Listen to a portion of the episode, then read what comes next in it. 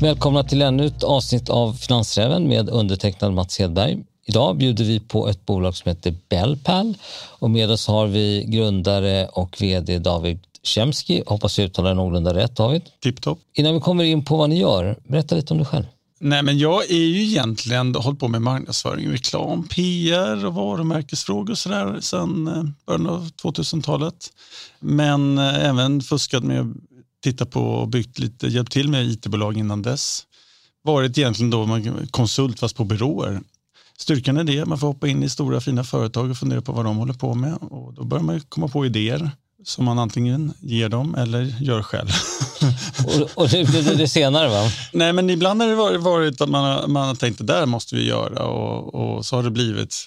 Till och med var med och byggt ett eh, litet eh, lotteribolag, alltså ett eh, lagligt lotteribolag, föreningslotteribolag för att man tyckte så här, herregud, här finns det saker att göra. Men eh, det var väl först när jag började få liksom, känning på det som sen blev Bellpal som jag liksom tog det egna stora initiativet att eh, gå all in. Det var liksom helt jag själv. Tidigare har jag varit i sammanhang och sådana saker. Det blir en bra radioövergång då. Vad, vad gjorde att du kom på Bellpal? Ja, personliga upplevelser helt enkelt. Min mormor låg fyra dygn eh, i sitt badrum, eh, hade ramlat, kom inte upp. Och hon bodde i Borgholm, jag i Göteborg, mamma i Umeå. Man ringer kanske någon gång i veckan och kollar läget, svarar inte. kan ju vara naturliga orsaker, ute och handlar med kompisar och liknande. Men sen efter fyra dagar så det stämmer liksom inte. Och då fick polisen hämta upp henne och överlevde väl knappt. Eller jag överlevde men det blev inte så bra. Fyra dygn är lång tid utan vatten. Men det gav ju en tankeställare i hur kunde hon ligga där och utan att vi, någon, tänkte på det, visste om det. Hon hade inte brutit någonting ens utan bara ramlade, kunde inte komma upp, för svag helt enkelt. Och hon var 70 plus, 75 typ. Förutsättningarna fanns ju för att klara det.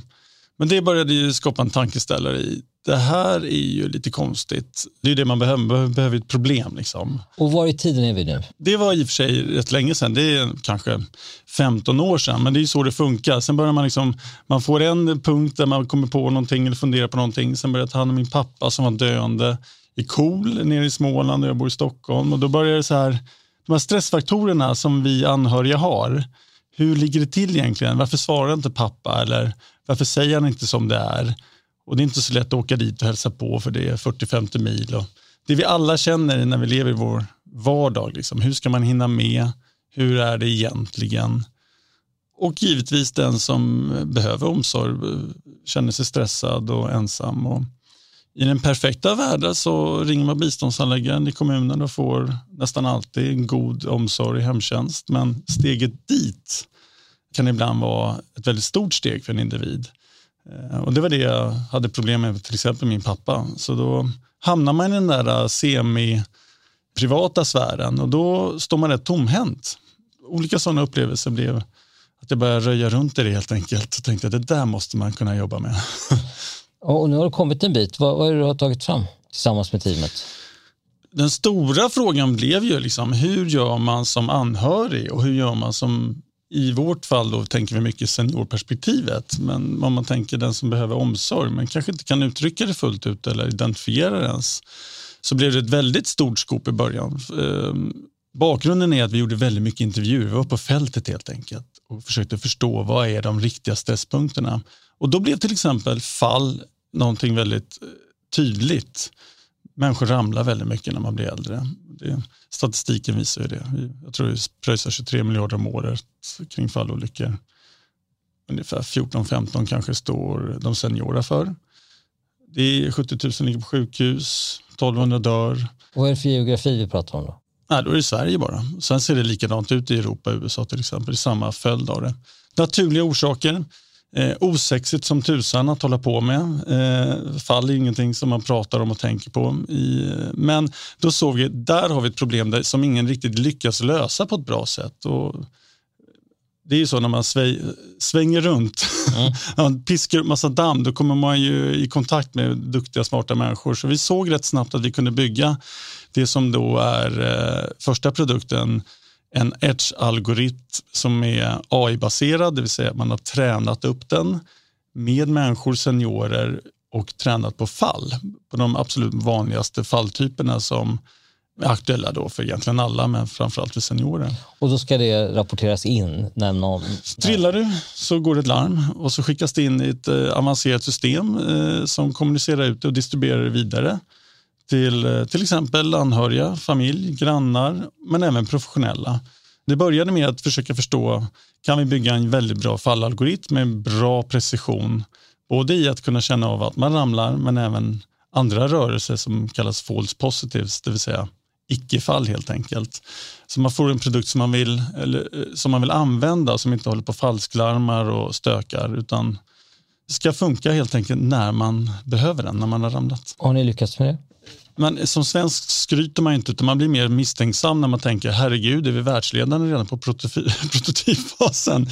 Men så var det och det var ju väldigt roligt. Det var ett bra första steg och känna att vi kan det här. Liksom. Det verkar som vi klarar det här rätt bra. Eh, så den har ju varit den tryggaste punkten i vårt utvecklingsarbete.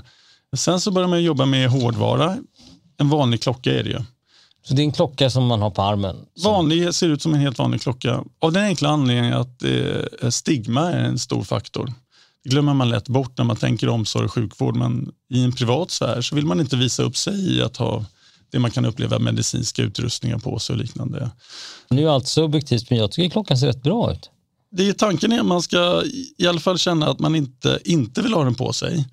Och att man inte ska tänka att vad är det där för konstig klocka eller liknande. Utan det ska, det ska gå lite obemärkt förbi att det är en klocka helt enkelt. Men, men viss uh, grundkänsla är att det där blir rätt snyggt.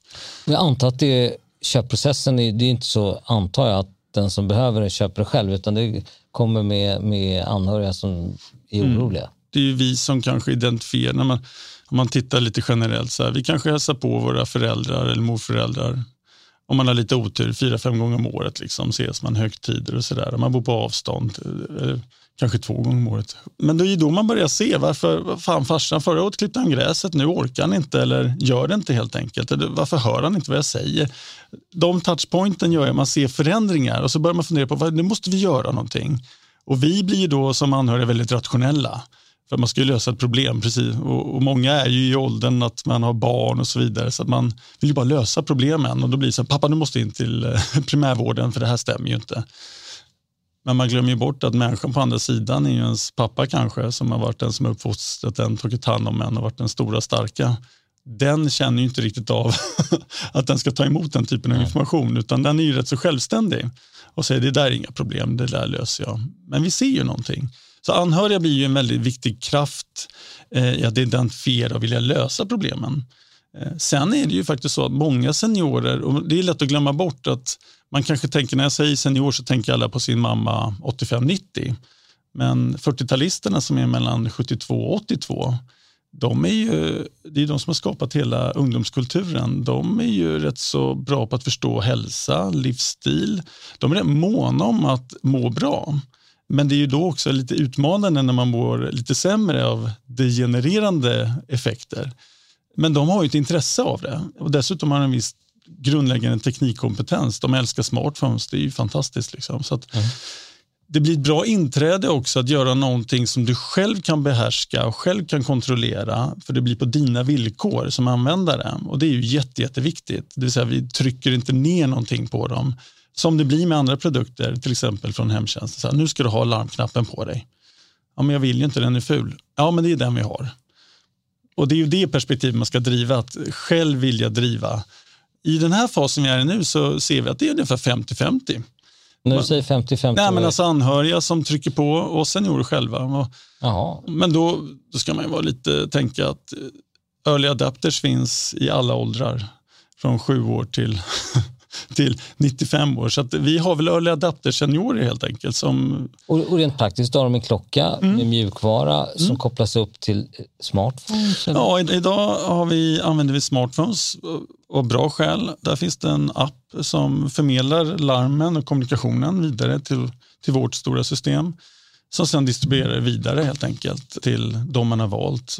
Det kan ju vara grannen, ens barn eller polare och sen till en professionell tjänst som 24-7-mässigt finns alltid redo att ta hand om det. Och det fina i kråksången är ju att det var en annan upptäckt jag gjorde med mormor som hade hemtjänst att det är ju bara hemtjänsten och mormor som vet om varandra. Men jag vet ju ingenting. Och Det blir en stressfaktor i sig. Eh, så då ringer man hemtjänsten och blir orolig. Och de har ju varken tid eller kraft och en post-it-lapp om man har tur att svara på. Så hela idén är ju att vi integrerar de som vi kallar för, i vår värld, då, följare, men nära och kära, med den professionella. Så att när det händer någonting, då är man tillsammans i en community för att det är egentligen bättre att be grannen kliva över om mamma ramlat, för det behövs ingen ambulans oftast. Och så avdramatiserar man själva stödet i den akuta situationen. Plus att vi vet om, ah, fan, morsan fick hjälp. Vad bra liksom. Jag var i Australien men mamma var i Stockholm och hon, det, det kirrade sig liksom. Bara den stressreliefen är enormt viktig. Man glömmer gärna det, att det är mycket på rationell nivå när det gäller omsorg och vård. Men i slutändan är det hur det känns och upplevs på golvet i våra vanliga liv. Och Det var väl den stora upptäckten jag gjorde från början. Liksom. Så, så det är ett integrerat system från eh, det vi kallar då Edge-algoritmen hela vägen igenom in till, vår, till vårt kommunikationssystem och larmtjänst. Och det som också är då vår dataaggregering. För det som är intressant är ju att det är skitbra att vara reaktiv, det vill säga ta hand om en olycka det är ännu intressantare att vara prediktiv, att börja se förändringar. Det som jag pratade om, att pappa är inte som han var förra året. Eh, om man kan se det och se det lite, med lite ökad frekvens, så att säga, då kan man göra bättre åtgärder. Hela designen bygger på att se beteendeförändringar. Vi är ju inte en vårdgivare, men däremot så med den inbyggda kompetens vi har eh, som läkare och så vidare så kan vi då identifiera att här sker det något annorlunda över tid. Det bör man ta hand om. Eh, oftast rätt så odramatiska saker. Men kan man göra det, då kan man ju vända livskvaliteten innan den går för djupt ner. Och det är ju det man vill. Man lever ju så pass länge så att det är ju trist att börja bli, hamna i en negativ spiral redan när man är 75 om man lever till 95. Det handlar om att kunna samla ihop informationen, se vad som pågår med användaren ska vi komma ihåg. Och det klarar ni av? Ja, det är det vi gör nu. Då kan vi också generera tjänster som blir positiva krafter. Liksom. Man kan säga så här, jag hade ju hellre vetat om mormor började bli sämre innan hon ramlade. För då hade vi kunnat eh, hitta på någonting tidigare. Då hade hon ju sluppit ligga där i fyra dagar, kanske. Eller då hade hemtjänsten funnits där, i alla fall kommit dit en gång om dagen. Och då hade mm. ju... Så om man förhåller sig på det perspektivet, då blir det, ju, då blir det riktigt intressant jag tror de flesta börjar få målbild, eller mm. bilden ganska klar för sig. Men det är ju, Bellpal är ju också en kommersiell verksamhet med en aktie som är listad. Ja. Eh, hur ser marknad och affären ut? Eh, sån här tjänst är ju inte att vi säljer en klocka egentligen. Klockan är ju ett attribut för att kunna göra jobbet delvis. Så det är ju en abonnemangsform. Och det är så de här tjänsterna ser ut. Även om du får hemtjänst så får du betala per månad för att använda det här trygghetslarmet förvisso inom då liksom en, en offentlig business. Men om man tar andra regioner, till exempel USA, så är det här en stor given marknad att kunna ha det man kallar för medical alert-prylar, helt enkelt tjänster som man betalar per månad. Och i snitt ligger det på 250 till 400 spänn i månaden man betalar för olika typer av liknande produkter. Tänk att marknaden är vi har ungefär 20 procent som är över 65 i Norden, ökar kanske till 22-23 under de närmsta tio åren. Europa följs med i samma. I USA någonstans slutet av 2022-talet tror mig uppe också 20 procent. Så det är en stor population människor över 65 och någonstans efter 70 är då man börjar liksom behöva stöd. Det är ju den totala marknaden, men man ska ju vara rättvis mot sig själv. Man ska kunna distribuera och sälja till en marknad också. Så när jag definierar marknad, då definierar jag det utifrån kraften av andra aktörer och distributörer.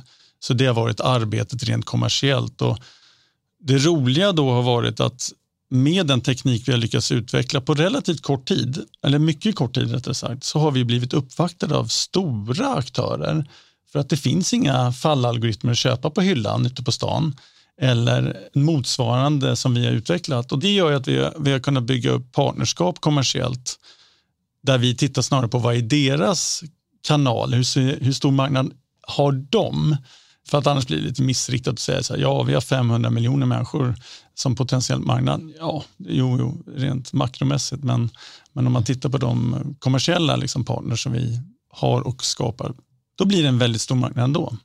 Jag brukar vara lite kaxig och säga att Sverige är egentligen inte vår hemmamarknad, för vi är rätt så vi är så trygga med den omsorg som vi får om vi använder den. Och det är ju fantastiskt, men vi blir också lite passiva i våra beteenden. Det vill säga vi kommer efter i att använda grejerna.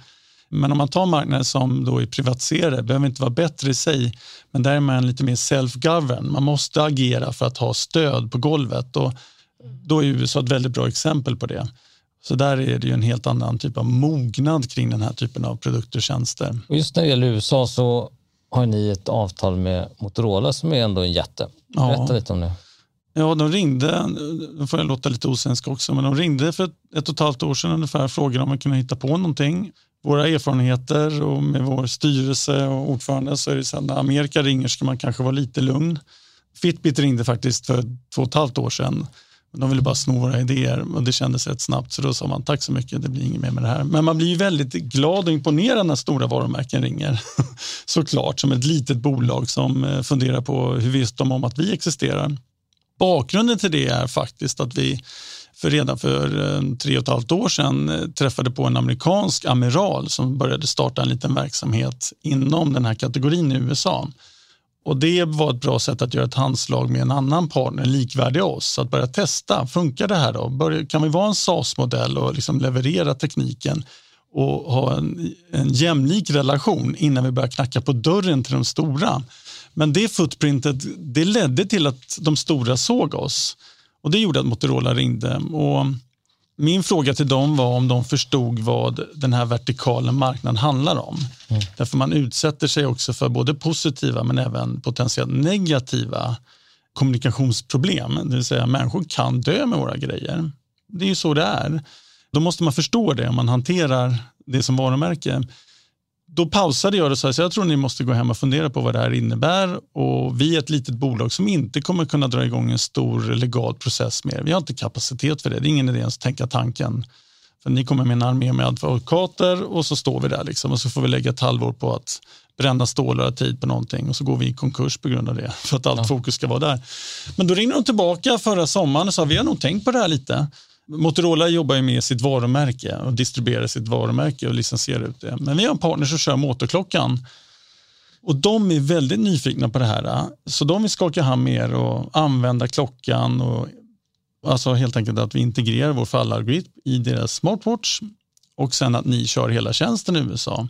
Vad tror ni om det? Och då blev det en annan situation, därför då är det någon som faktiskt knackar på dörren och säger så här, vi vill det här och vi har någon som faktiskt är beredd att göra jobbet det blev ju en annat läge för oss då att svara på. Eh, så det passade rätt bra i timing också kring våra mognad och att vi... Men, men är det avtal på plats? Ja, ja, det signade vi i december och sen har vi då under våren jobbat tillsammans med dem att säkerställa att eh, algoritmer funkar i deras eh, smartwatch. Hela apparaten kring marknadsföring, försäljning, alla detaljer som man inte tänker på i början liksom ligger i linje.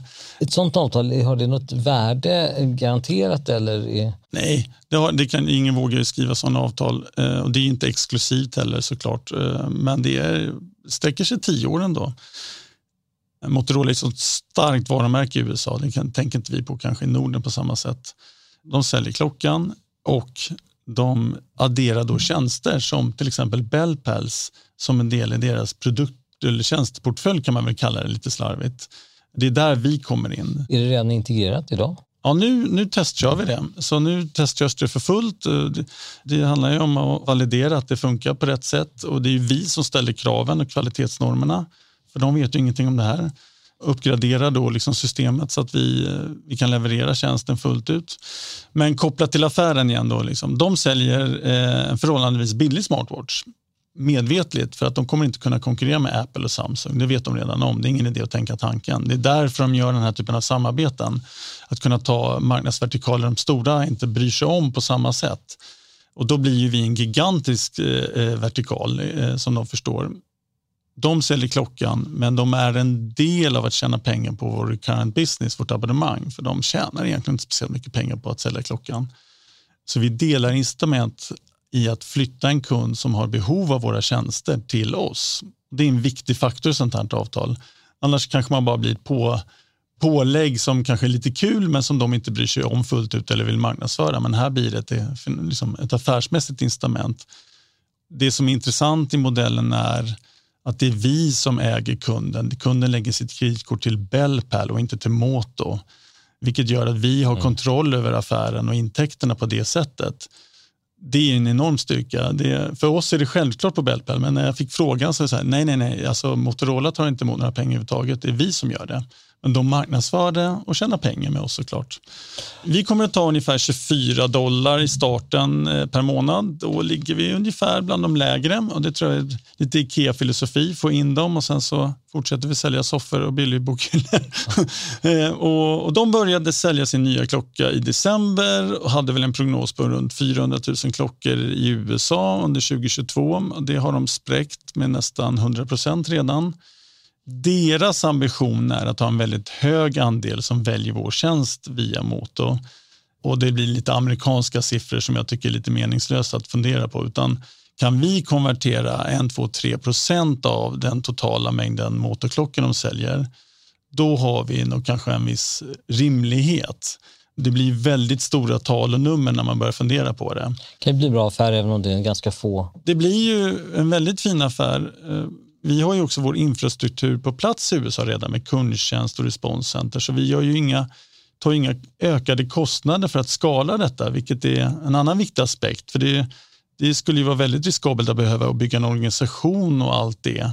Då blir det en risk, för det måste man ha på plats när man börjar. Det kan man inte komma med efteråt. Eh, men den finns ju på plats.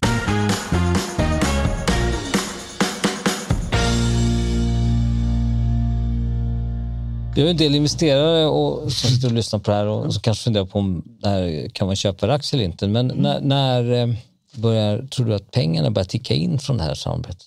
Nu står startlinjen redo eh, från slutet av augusti, början av september. Det har att göra främst med att sätta kampanjen för distributionen. Då är vi har vi några månader kvar av året. Eh, vi vet att de har en förköpsorder till Best Buy till Black Friday på 250 000 klockor och då byggs det en plan efter det. Jag tycker så här, har vi lyckats under de sista månaderna eh, i år få ihop en 5 till 8 000 kunder, då har vi, tycker jag, gjort ett bra jobb för att vi gör ändå en entré på marknaden. Och vår operativa break-even är någonstans, och slarvigt kan man säga att man har alltid behov av stålar, men med den plan vi har så tycker jag att vi känner oss att vi tar oss fram utifrån den, den plan vi har satt helt enkelt. Men det är lätt att tänka fel det här, att man tänker att oh, herregud, det här kan bli 200 miljoner människor via Moto. Ja, visst över tid kanske, men jag tror man ska ta det här och hålla Moto i handen i arbetet. Eh, så att man eh, också får kvalitet i sina kunder. Det är ju jätteviktigt. Om man tänker att en sån här typ av produkt är ungefär som ett villalarm. Funkar det så behåller man det. Om det inte kommer någon fantastisk konkurrens som löser allting. Det gör att eh, livstiden för en kund är i branschen 5-6 år. Så det är ju en väldigt fin affär om man tänker så, en relation framförallt man har med en kund över tid. Där man kan hela tiden jobba med kunden utifrån det här prediktiva med, vilket få andra gör, eller nästan inga andra gör. Så att det blir ju intressant av den aspekten också. Mm. Eh, men det är klart att vi ska bygga upp en seriös kundbas med dem. Och framförallt bygga case så att andra på marknaden ser det också. USA ser ut som det rulla på. Sverige, är det de två marknaderna som gäller från början? Eller är det... Jag har en nyhet strax att berätta också som revolutionerar lite, som inte förändrar utan utvecklar Bellpen. Men det, så är det ju just nu. Man ska ju ta äpplena där man har börjat och inte liksom eh, kasta sig vidare på nya marknader bara för att det är någon som ringer liknande. Och handlar om att kunna etablera det seriöst. Eh, vi har andra relationer. Vi sålde vår eh, fallalgoritm som testprodukt till Cox Communication förra året för att de ville testa, för de utvecklar det här affärsområdet. Så vi har ju proof of concept, vilket ger ringar på vattnet märker vi en av världens största aktörer har testat oss och vill gå vidare. Ingenting jag kan lova, men, men det ger inga på vattnet. Så det är klart att vi kommer att få förfrågningar från andra devices som inte annat som vill testa och köra det här. Och Det är väldigt spännande och då tänker vi liksom fokusera på de marknader vi är på. USA är en, Sverige är en. Vi vet att Storbritannien är oerhört intressant och där vi har bra relationer på business to business-sidan. Men vi måste göra ett footprint så att vi klarar av och skapa lönsamhet där vi står och inte kasta oss runt på jorden bara för att det är roligt. Hur ser eh, kapitalsituationen ut för er? Har ni liksom kapital för att göra det här eller måste ni ta in ytterligare medel? Ja, jag är ju den fattiga entreprenören. Jag är så himla glad för våra investerare att de har, har, har stöttat oss under hela resan. Det är ju alltid ett riskprojekt liksom, när man startar någonting och kanske också starta någonting som förvisso har en marknad men som kanske tar en liten ny vinkel på det. Mm. En del av att gå på börsen var ju att också öppna upp för aktörer att kunna gå in i Belpel mm. såklart och framförallt också kunna öppna dörren för investerare som står utanför Sverige. Mm. Man glömmer det att det finns liksom legala hinder för amerikanska investerare att hoppa in i ett privat bolag. Mm. Det går inte. Det, det, tänker man inte på. Men, men vi, bara det genererar ju attraktion. Eh, nej men vi har ju varit bootstrapped från början. Det är liksom mitt perspektiv på det. Man har rätt lite stålar så, så, så kokar man på det.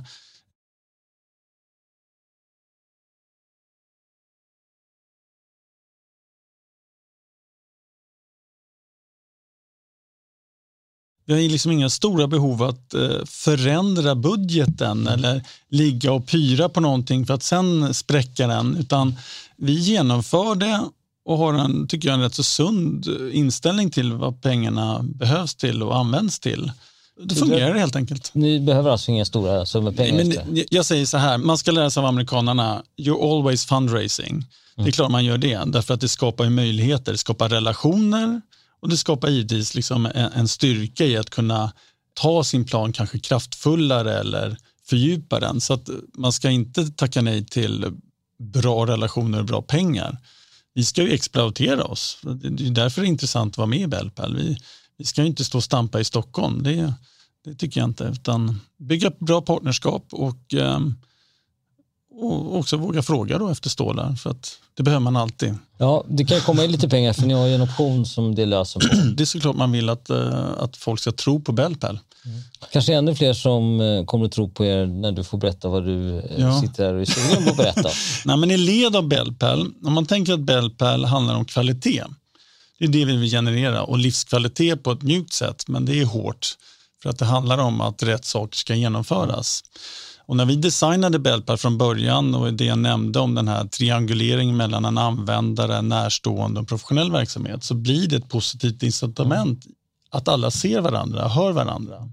I doldhet så uppstår problem. I synlighet så, så är man naken och då gör man sitt förhoppningsvis bästa. Professionella branschen, om vi tar Sverige som ett exempel, så är det väldigt omtalat nu. Eh, jag tror generaldirektören gick ut igår i DN och berättade om att man måste verkligen eh, stå emot kriminaliteten inom assistansvärlden när man har personlig assistans av, av eh, givna skäl. Där är det mycket fusk. Det är brister i kvaliteten. Det man kallar brukare är i en beroendeställning att få omsorg men har kanske utmaningar med att beskriva om det är brister i det.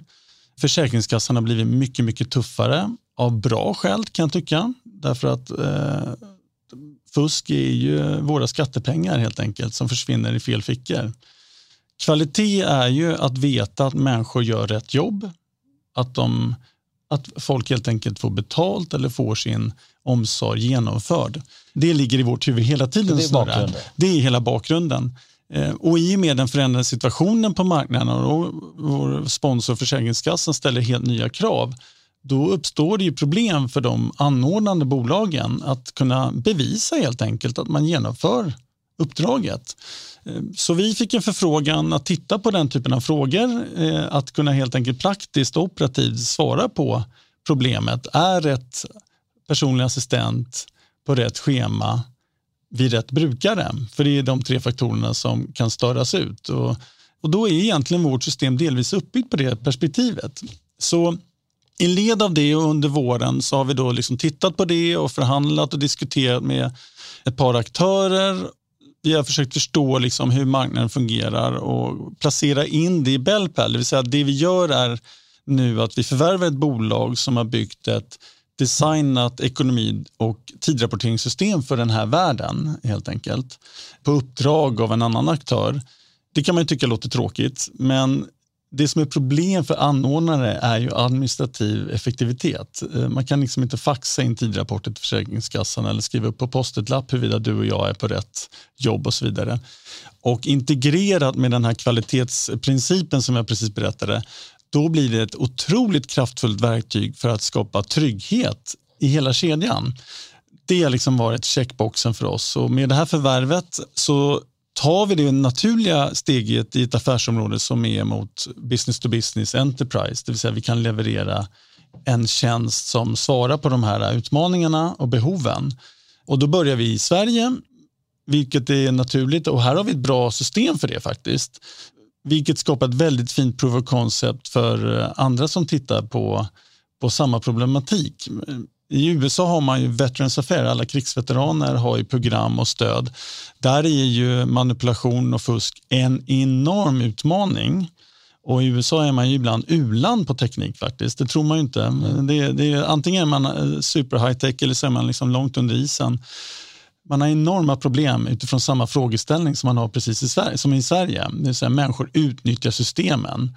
Man tar betalt för någonting man inte genomför och lämnar en stackars brukare eh, lite där, var som helst. Men betyder det att ni går in på en annan marknad? Egentligen är det så, med det här förvärvet så kan vi nu ta klivet in i, i den mer professionella världen och leverera ett system som anordnarna av assistans eh, använder. Så vi ringer inte hemtjänsten och, och hoppas komma in på upphandlingar utan vi går in i den privata sfären där det här där det redan finns en kommersiell grund för det. Och det, I Sverige finns det fyra, fem stora eh, eh, aktörer inom det som har de här problemen och en enorm stress. För man ska komma ihåg att Försäkringskassan kan dra tillståndet över en natt. Det gör att du inte har någon verksamhet och kanske måste betala tillbaka enorma mängder pengar. Så att anordnarna, de här bolagen, behöver känna att de kan leverera fakta på att man har genomfört rätt enligt uppdrag. Och är det via klockan eller? Är det... Frågan är inte om det är en enskild produkt eller, eller annat som är svaret, utan man ska titta på vad är det som behövs för att leverera kvaliteten. Mm. Klockan kan mycket väl bli ett sådant attribut att använda, men vårt grundsystem är redan byggt för att kunna leverera informationen om att de facto den som ska genomföra omsorg är rätt person på rätt plats det finns redan skalbart. Annars hade det inte varit så intressant att göra den här typen av satsningar för då hade vi börjat från början lite grann. Utan nu skalar vi och så, så adderar vi den här eh, administrationen på det vilket gör att vi får ett paket som går att välja eftersom hotet är enormt att förlora alla pengar för en anordnare. Och hur lätt är det att komma in göra affären här? Ja, om jag ska vara lite så här, ha säljhatten på men det ska jag kanske inte ha för att jag har inte jobbat i den här branschen på det sättet. Eh, med förvärvet och de partners som ingår i det, då är det ju den här stressen är så enorm. Mm. Eh, för I början av september kommer det förmodligen bli en lag där Försäkringskassan inte behöver ta det till civilrättsligt mål utan kan köra det förvaltningsmässigt och med då omvänd bevisbörda. Det vill säga det är mer eller mindre kört för dig och mig att bevisa att de som ska eh, leverera omsorgen faktiskt var på plats. Så stressen av att faktiskt kunna gå omkull är ju enorm. Okej, då kan man utgå då, då, då har man ett problem. Ja. och, då finns det, eh, och det finns inga andra som levererar på den efterfrågan. Sa du nu att det fanns inga andra som kan... Nej, det blev ju en del av, av frågeställningen. Hade det funnits en fantastisk aktör då kanske man skulle fundera på, ska vi ta det steget? Men för oss är det ett naturligt steg i en marknad som vi vill vara inne på för att den behöver bättre kvalitet. Och hur betalar ni för det här förvärvet? Då kommer ju fördelen med att vara på börsen att man har byggt en egen valuta, även om jag ska väl inte kommentera eh, vårt börsvärde per se, men ingen hem... betalar för med aktier? Ja, precis. Ja. ja. Och sen får vi ett sponsorskap i vår utveckling eh, i att leverera tjänsten också. Mm. Så vi, vi, får en, en väldigt, vi får en kund som betalar direkt eh, där det genererar på det befintliga avtal som kommer att ehm, förhoppningsvis signas. Nu har vi ett LOI ska man komma ihåg idag, men det är väldigt tydligt ehm, beskrivet. Och med övergången så får vi väl direkt en vinst på 2,5 miljon. Det är ju småpengar, men det är på nedersta raden, vilket är viktigt. Och vi får en, en sponsorskap i att eh, färdigställa det här konceptet som jag beskrev. Det är inget stort arbete, men det är ett arbete. Då blir det intressant. Jag hade inte velat gå in i någonting där vi behöver ta nya kostnader för att komma framåt. Utan, men det är fördelen här. Alla delar samma problem och incitament i att kunna få så någonting. det är plug and play? Säger. Ja, om man, om man ska vara, jag gillar inte sådana beskrivningar för det låter så slarvigt, men på ett sätt är det ju så. Ehm, och, och Det blir väldigt intressant. Efterfrågan är given och vi verkar ha någonting som faktiskt tillfredsställer det. Och med de partners vi får med förvärvet som är väldigt säljdrivna så har de i sin tur byggt upp affärsrelationer som vill använda systemet i Sverige. Vi börjar liksom inte från början och hitta på ett affärsområde som kanske kan bli någonting utan det rullar redan. Plus att vi svenskar ska ändå vara stolta även om vi hittar brister överallt och det ska man göra. Men vi har ett enormt renommé kring kvalitet och kring vår sociala omsorg, publika omsorg. När man berättar om det i USA till exempel, då tror alla att allt är eh, guld och det är som Astrid Lindgrens värld, allt är perfekt. Mm. När vi visar att vi rullar med det här, och det kommer vi göra från september, oktober, då blir det väldigt kraftfullt att se att Försäkringskassan är en del av den här kedjan, för det är ändå svenska staten. Och det slår väldigt mycket när man går in och säljer sånt här till andra aktörer utomlands. Det finns en kvalitetsstämpel som man inte ska förringa. Eh, och när jag har givetvis pitchat idén för våra amerikanska relationer, då, då blir det en väldigt, väldigt stark faktor. Vi har försökt koppla ihop alla dots kring affär, lösning, potential och hur man kan eh, leverera ut det skalbart och se är det här bra för oss eller inte? Stämmer det med Bellpal, vad vi håller på med? Och Ja, det gör det. Då blir det väldigt roligt att ha ett affärsben som är professionellt och det breddar ju vår intäktsbas och stabilitet också. Det är lite andra avtal när man jobbar med professionella. De kanske är på tre år och sådana saker. Eller de är det rättare sagt. Så man, man, har ju en annan horisont i relationerna. Affären är liknande egentligen. Man betalar idag i den här världen en administrativ peng per brukare i månaden för assistenter att använda olika tjänster. Så att det är ju samma typ av bas kring intäktsmodellen men det är ju baserat på avtal. Då. I det här fallet så blir det roligt därför vi får in från starten ett par, tre tusen användare direkt.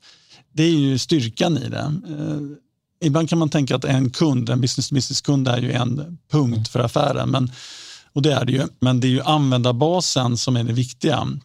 För det i sin tur sprider uppfattningen om Bellpal.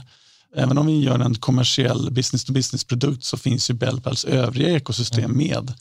Då blir det inte ett hittepå affärsområde, mm. för det så säga, i desperation försöka hitta nya affärer, utan tvärtom.